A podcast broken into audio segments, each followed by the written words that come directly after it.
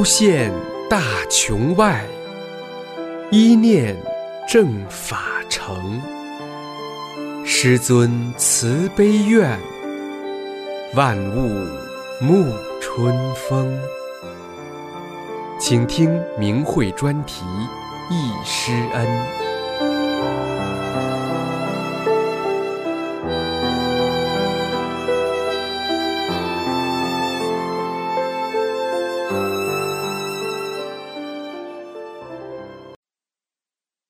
请听明慧专题《易师恩》文章，题目是《听师傅在传法班讲法的那段日子》，发表日期二零一五年十月三十一日，作者长春大法弟子春莲。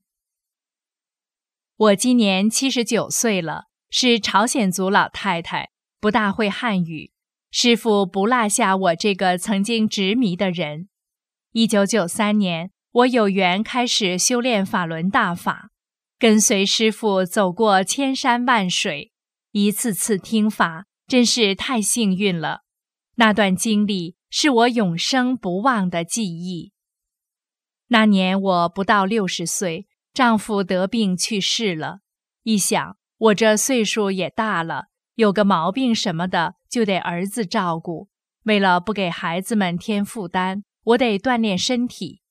当时正是气功热，记得最清楚了，是九三年七月二十二日早晨五点来钟，我到儿童公园看看，这堆练气功的连蹦带跳，那帮连哭带闹的不能练。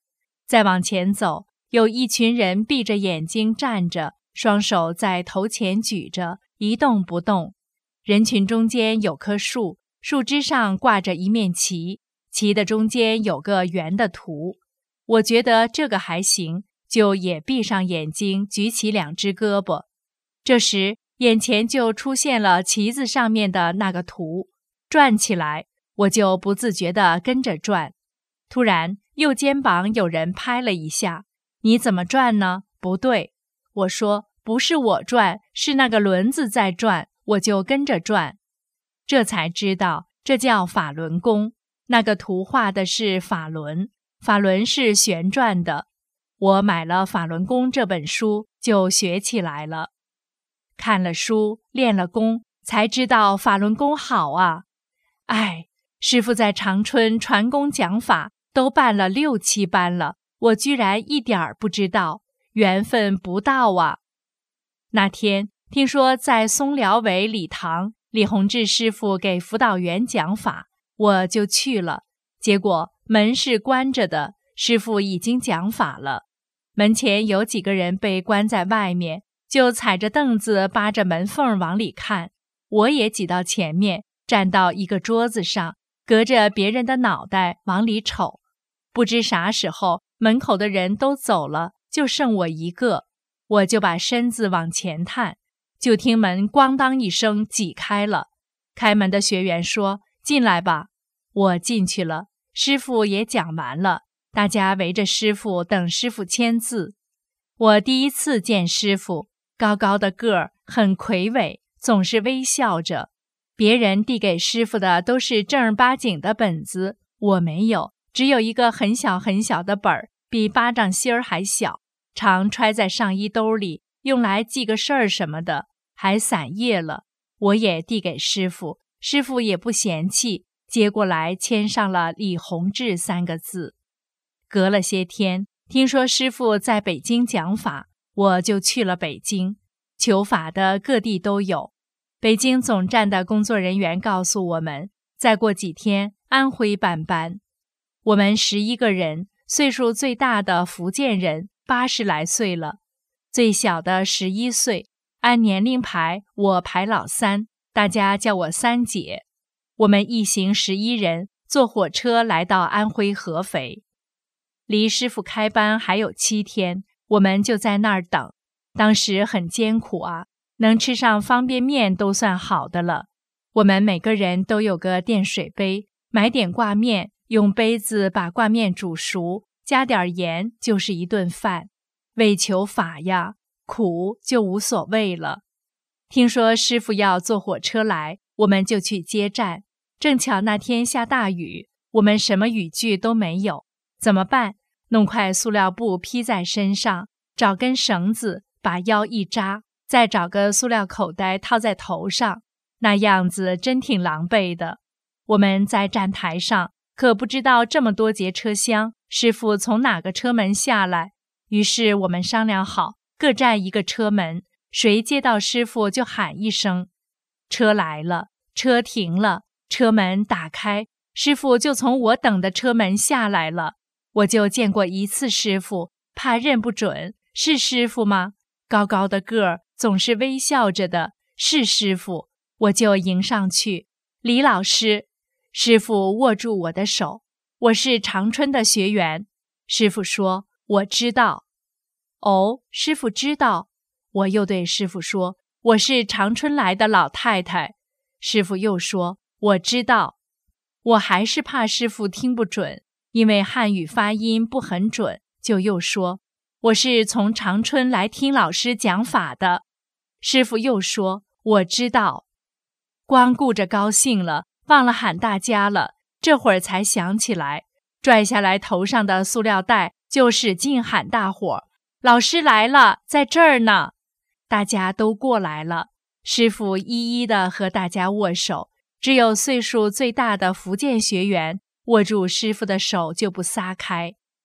这时，北京站的工作人员也来了。我们把师傅接到礼堂大院儿。那次师傅在安徽合肥讲法传功，是一九九三年十一月二十一日到十二月一日。讲法中，师尊还给学员清理身体。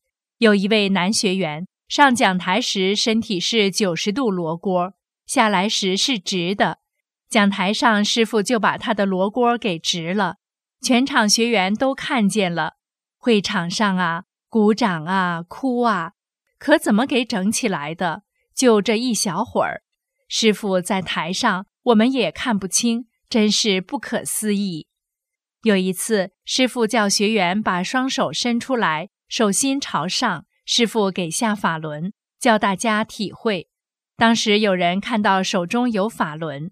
有的人感觉手心发热，有的人感觉手心发冷。发冷的就是身体有病。还有一位学员因参加传授班前身体就有附体，他就腾腾腾上台了，说自己有附体，请师傅给他去掉，拿掉吧。师傅手一抓，就把他的附体去掉了。师傅还让学员想自己身体的病处，然后一跺脚，病就没了。师傅用各种方法给我们调理身体，这些都是我亲眼看到的。我们的师傅真是无量慈悲，无所不能。可我以前从来没接触过气功，反应慢，只知道师傅讲得好，大法好。一九九四年四月，跟班到了辽宁锦州，那是一座靠海的城市，市场到处都是卖虾爬子的。我第一次见到。害怕不敢碰，卖商说可好吃了，告诉我怎么做怎么做等等。我听了之后胆儿大了，就买了五斤。卖商就帮我把虾爬子煮了，拿到宿舍和大家一起吃，确实是好吃。我当时对杀生问题没有重视，我觉得自己这辈子做好人，不伤害人，没想想杀生造的业。师傅看我不悟，就让我做梦。点悟我，梦中在天上，虾爬子一排一排的排着队，密密麻麻的，不让我过去。中间还有三只大公鸡，歪着脑袋，梗着脖子，愤怒地瞪着我。我明白了，那排队的就是我买下来煮熟的五斤虾爬子。我们把它们吃了。那大公鸡是小儿子结婚时杀的，丈夫不在世，尽管我修炼了。为了婚礼的礼数，还是我杀的公鸡，他们都拦在我的路上，不让我过去。梦醒后，我知道了，是杀生造成的业力挡住了我修炼的路，才明白杀生的问题这么严重啊！业滚业呀，还吧，身体呀，这块疼那块疼的。随后，在四月二十九日。长春第七期法轮功传授班开班了，回到家乡了。我加入了外地学员接待组，在长春火车站举着牌子轮流值班。当时刮春风，全身是灰，脸上也是黑灰，只能看到大家眼睛一眨一眨。可大家不离岗位，接来一批一批的学员。这时，我们的师傅来了，亲切地说：“你们辛苦了。”你们吃饭了吗？有没有什么困难？天气不好，注意身体啊！师傅的关心问候使我们心里热乎乎的。天冷风凉，大家都没什么感觉了。第七期班，全国各地来的学员太多了，从新疆到黑龙江最北边，到沿海地区，有坐飞机来的，也有挑着担子来的，为了寻求大法。不远万里呀！我们小组接站，然后又有小组专车接送，安排住宿。吉林大学明放宫礼堂搁不下，分成白班和晚班，一共有三千多人。中间神奇的事情就太多了，好多参加班的同修回忆记述了。六月下旬，师傅在济南办第二期班，其中几件事记忆犹新。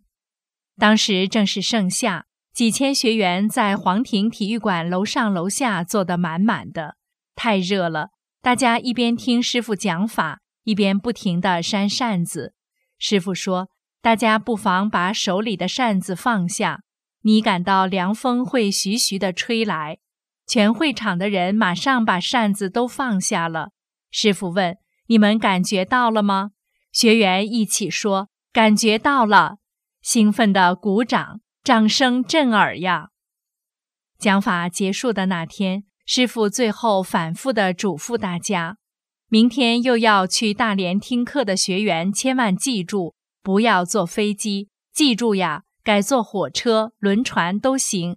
买好了今天晚上火车票和汽车票的，请司机帮助送他们一下。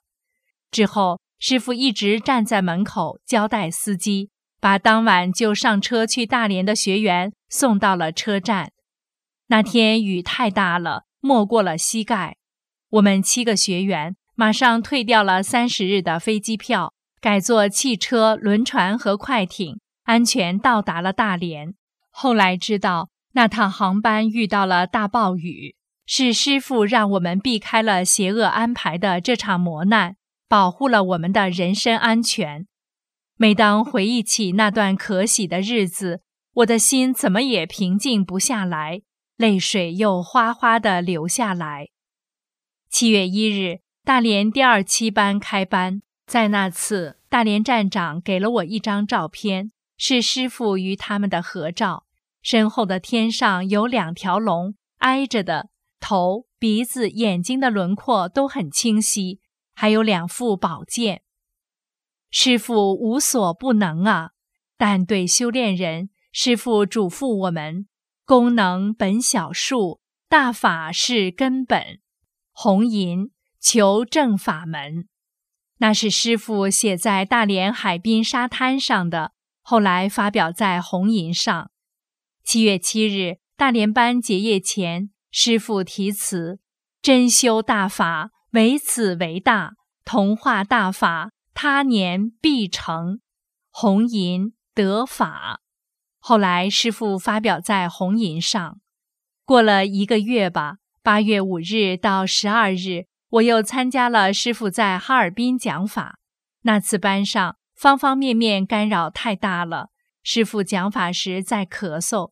当时我想，师傅传法太辛苦了，天天这么讲，嗓子受不了。我心很酸。心里疼啊，我掉眼泪了。但一想，不对，我们师傅是神，神有什么病啊？我当时就纠正了人念，是师傅为我们承担了业力。我的悟性太差了，感觉自己脸都红了。我心里暗暗下了决心，好好学法，把自己的黑色物质转化成白色物质，减少师傅为我们的承担。大法传得太快了，延边地区好多人得了法，学员们组织起来，想请师傅来讲法。我也是努力的张罗，原单位的找来很多人，这么好的大法，这么好的机会，太难得了。一九九四年八月二十日到二十七日，师傅在延吉市办了法轮功传授班。延边是少数民族地区，朝鲜族占了一半以上。这些朝鲜族学员都把师傅讲法的日子当作民族的节日，穿着民族服装。五颜六色，开花一样，真好看呢。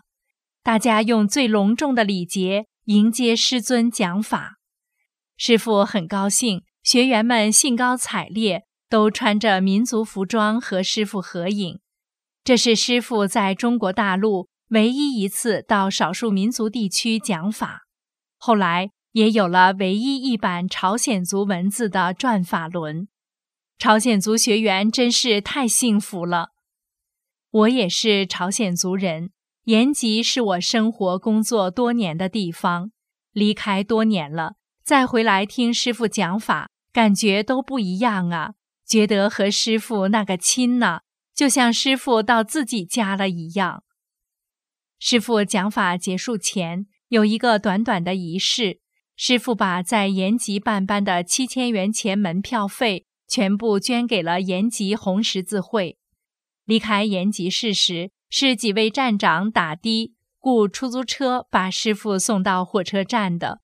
我心里真是有点埋怨他们，就不能安排用自己的车送师傅，就给师傅打出租。可师傅说这个车费我来付，我不要学员的一分钱。就这样，是师傅自己拿的出租车费。这个消息传开后，延边学员都很感动，都说师尊怎么做，徒弟就怎么做，一件件事激动人心呐。这成为延边学员永远的回忆。从九三年底安徽合肥听师傅讲法，千山万水跟随的是师傅，追寻的是大法，每次听法都有新的领悟。每次和师傅在一起，都是无法形容的幸福美好。九五年转法轮正式发表以后，师傅就到国外讲法去了。那是九五年的冬天，师傅回国，我和外地两名同修到师傅家。那是建设广场附近的一座旧宅，师傅家不大，小套间，极其简单，非常干净。墙壁上挂着师傅亲手画的佛像，我记得有道，有女佛，有孙悟空，很细腻传神。师傅把金黄色的橘子给了我们仨，一人一个。两位同修不知不觉就把橘子都吃了。我把橘子揣在大衣兜里，回家后给橘子照了相，供在佛龛里，留作永远的纪念了。师傅的慈悲，对弟子的激励，都蕴含在柔柔的金色橘光中。记得那天太高兴了，从师傅家出来，天已经黑了，刚下完雪，地面可干净了。我们仨你推我，我推你，乐的呀，不知道怎么乐了，就在师傅家楼下的雪地里打起了滚儿，滚呐滚呐，笑啊笑啊。互相推着呀，太高兴了。当时啊，我们都是五六十岁的人了，无法表达那个高兴啊，就像小孩子一样。没想到师傅师母隔着窗户看着我们呢。那以后好几年见不到师傅，太想念师傅了。一九九八年七月二十六日，师傅回长春。在香格里拉饭店给辅导员讲法，我听到消息后就找当时的站长要求参加法会。站长同意后，我就随着辅导员们进了大厅，在靠边的位置坐下来。师傅来了，大家使劲儿的鼓掌啊！没想到师傅从我坐的那个过道走过来，我双手合十：“师尊您好。”师傅满面笑容跟我握手。左手拍拍我的肩膀，师傅高兴地对我说：“你来了。”我高兴极了，太激动，太幸福了。当时脑子是一片空白，是不是梦啊？如果是梦，真不想从梦中醒来。那次师傅讲了五个小时，也是迫害之前最后一次在大陆给学员讲法。师傅讲法后的第二天，在一个饭店用餐，在座的有十几位学员，我坐在师傅的右边。师傅笑着说：“你不吃肉吗？”边说边夹给我一块肉，我吃了。师傅笑了。师傅让我们最大限度地符合常人社会修炼，不吃肉的心也得去呀。师傅把宇宙大法传给我们，还把他的作风留给我们。和师傅在一起的时候多了，就知道了师傅的一些生活细节。师傅吃饭，最后盘子总是空空的，不剩饭菜，真很感动。就学师傅，自己吃饭也不剩。我再把师傅的作风传给我的孩子们，绝不浪费。如果吃不了，就打包回家吃。饭桌上听说师傅要到新加坡去讲法，我就想啊，我这个朝鲜族老太太语言也不太通，别人听师傅讲法都能领会的好，每次呀我就能理解一点儿。虽说跟了这么多班，还是悟性差，我就去了新加坡。那是一九九八年八月二十二日、二十三日，听了两天讲法。那以后就再没见到师傅。转眼十六七年了，八十来岁的人了，好多事情忘记了。但跟班的那段经历，我小心翼翼地在心底里珍藏着。就像师傅说的，我觉得能够直接听到我传功讲法的人。我说真是，将来你会知道，你会觉得这段时间是非常可喜的。当然，我们讲缘分，大家坐在这里都是缘分。见转法轮，迫害这些年难的时候，我就回想和师父在一起的日子，激励自己快速的同化真善忍。或许师尊会少一点辛劳。我们天宇中的生命会多一些欢笑，常常在师傅的法相跟前和师傅说：“师傅，我记住了，在任何环境中时刻向内找。”真是师傅在新加坡法会讲法说的那样，在修炼的这条路上，在你生命的永远都没有什么能挡住你，真是这样。请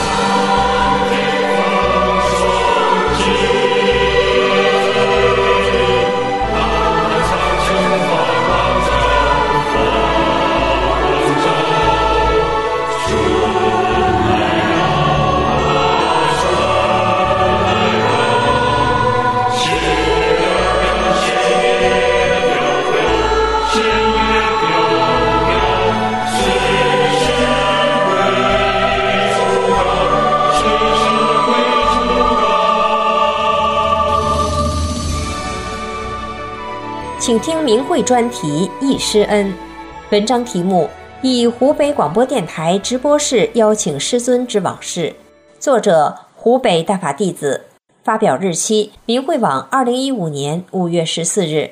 据当年曾有幸参加师傅讲法班的老学员回忆说，慈悲伟大的师傅应武汉市气功协会的邀请，于一九九三年三月三十日至四月八日。来武汉讲法传功，效果非常好。在传功过程中，应广大市民的要求，师尊于一九九三年四月六日上午九点三十分参加了湖北省长江经济广播电台健康顾问的特别节目。一九九三年四月六日上午九点三十分，湖北省长江经济广播电台邀请师傅到直播室做客。受到湖北地区广大民众的热烈反响，这是当时热线咨询师尊为听众实时祛病的部分录音摘录。播音员，听众朋友，这里是长江经济广播电台中波幺零五三千赫，今天是一九九三年四月六日上午九点三十分，这里是我们经济大交响里面的一个健康顾问的特别节目。最近我去参加了一个气功学习班。在这个学习班上发生了许多我们常人不能理解的稀奇事。下面我跟大家说几件。第一件事是，有些学员是从我们省的偏远地方乘车搭船，辗转了很多地方来到了武汉，就是为了来参加这个学习班。另一件事是在学习班上，一些多年治不好的疾病，经过气功师的一句话、一个动作或者一场报告，就神奇的好了。昨天晚上在气功讲座现场。有一位工友想把大师讲的话录下来，大师说：“我想让你录就能录下来，不想让你录就录不下来。”这位工友当时就坐在我旁边说：“不可能，怎么能左右录音机呢？”说完后，他就跑到前面去看他的录音机，结果发现录音机的磁带被磁头绞住了。这位工友觉得非常稀奇。我自己参加了这个气功学习班后，也有许多明显的感受。昨天晚上嗓子非常痛，大师往我身边一站，马上就感到好了。今天我把这位大师请到了我们直播室，他就是中国法轮功创始人李洪志大师。大师您好，非常欢迎您到我们直播室做客。我感到我们武汉人非常幸运，今天能够打电话进来的都很幸运。资料中详细记载了伟大慈悲的师傅给市民去病健身的感人事例，下面仅摘几例。一位打进电话热线的听众说：“我们是医院的职工，我们听说了李大师在接受采访，我们都在收听这个节目。我们因为职业关系，很多人血压高、血脂高，怎么治也不见好，想请李大师帮我们统一治一治。”师傅接电话后说：“你让你们那里的听众都按照我的要求去做，把头稍微低一下，放松、放松、放松，好了，活动一下你们的脖子。”结果他们都好了。另一个打进电话的听众说：“大师，我是一个学生，我患有鼻炎，很严重，已经几年了，总是不通气，能不能帮我治一下？”很多听众朋友也有鼻炎，能不能一起治一下？师傅接完电话后说：“好吧，你就拿着电话，把眼睛闭一下，不要想鼻子了，想一想别的东西。”略停一会儿，好了，感觉怎么样？鼻子通畅吗？这位听众说。感觉鼻子很舒服，谢谢您。再下一个热线听众说：“我有冠心病，想请李大师给我治疗一下。”师傅说：“现在你放松，听着我的话做，放松放松。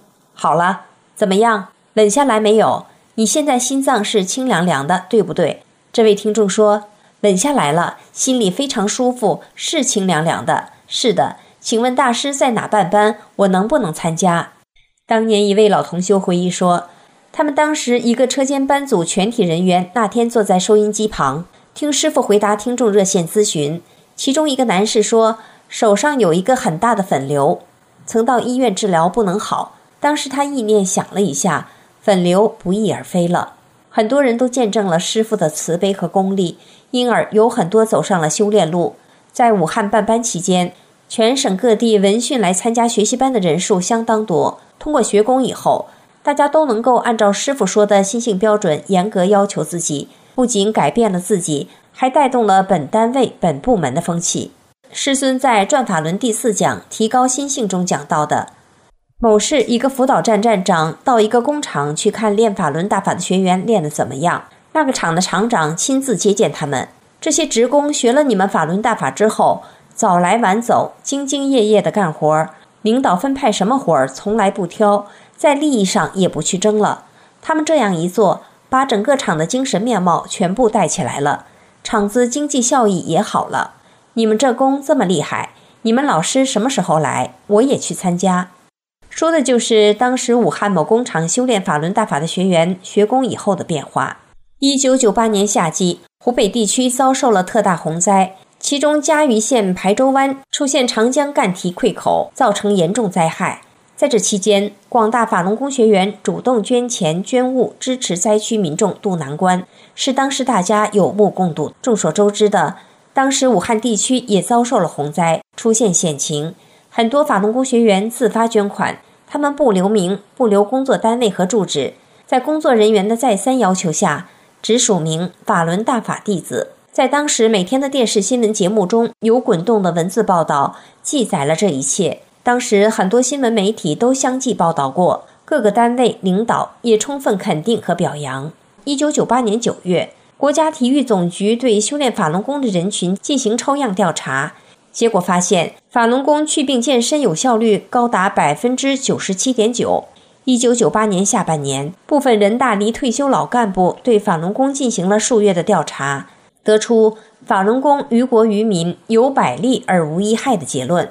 到一九九九年七月之前，就有一亿人修炼法轮功。是佛家上乘修炼大法，以真善忍为根本指导，教人向善。修炼法轮功不但能去病健身，还能使人变得诚实、善良、宽容、平和。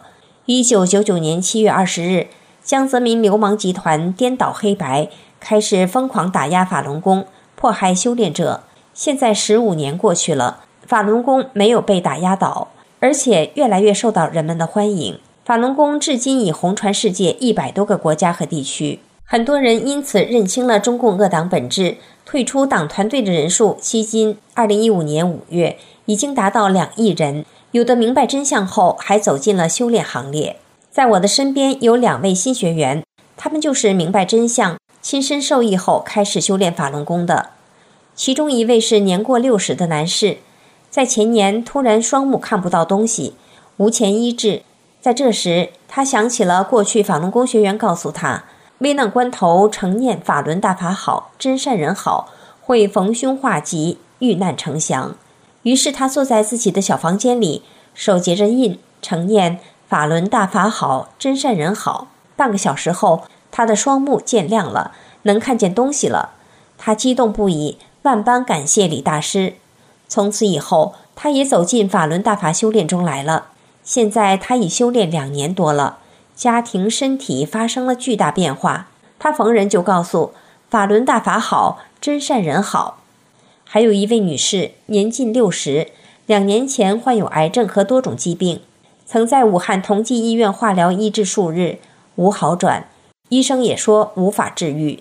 在危难关头，一位好心的大法弟子告诉他修炼法轮大法，他接受了大法弟子的好意，开始修炼。在老学员帮助下，认真学法练功，身体一天天好转。三个月后，到同济医院去检查，医生惊呆了。怎么好了？真是不可思议！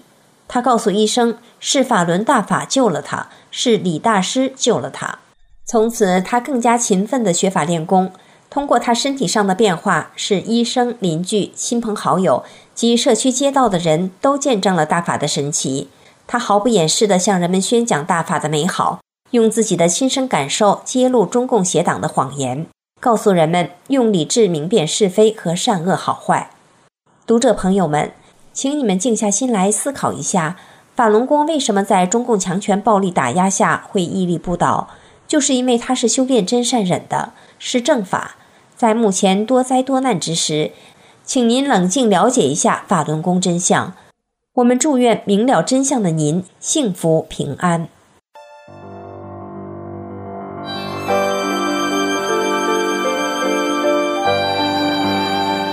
这一期的易师恩就到这里，谢谢收听。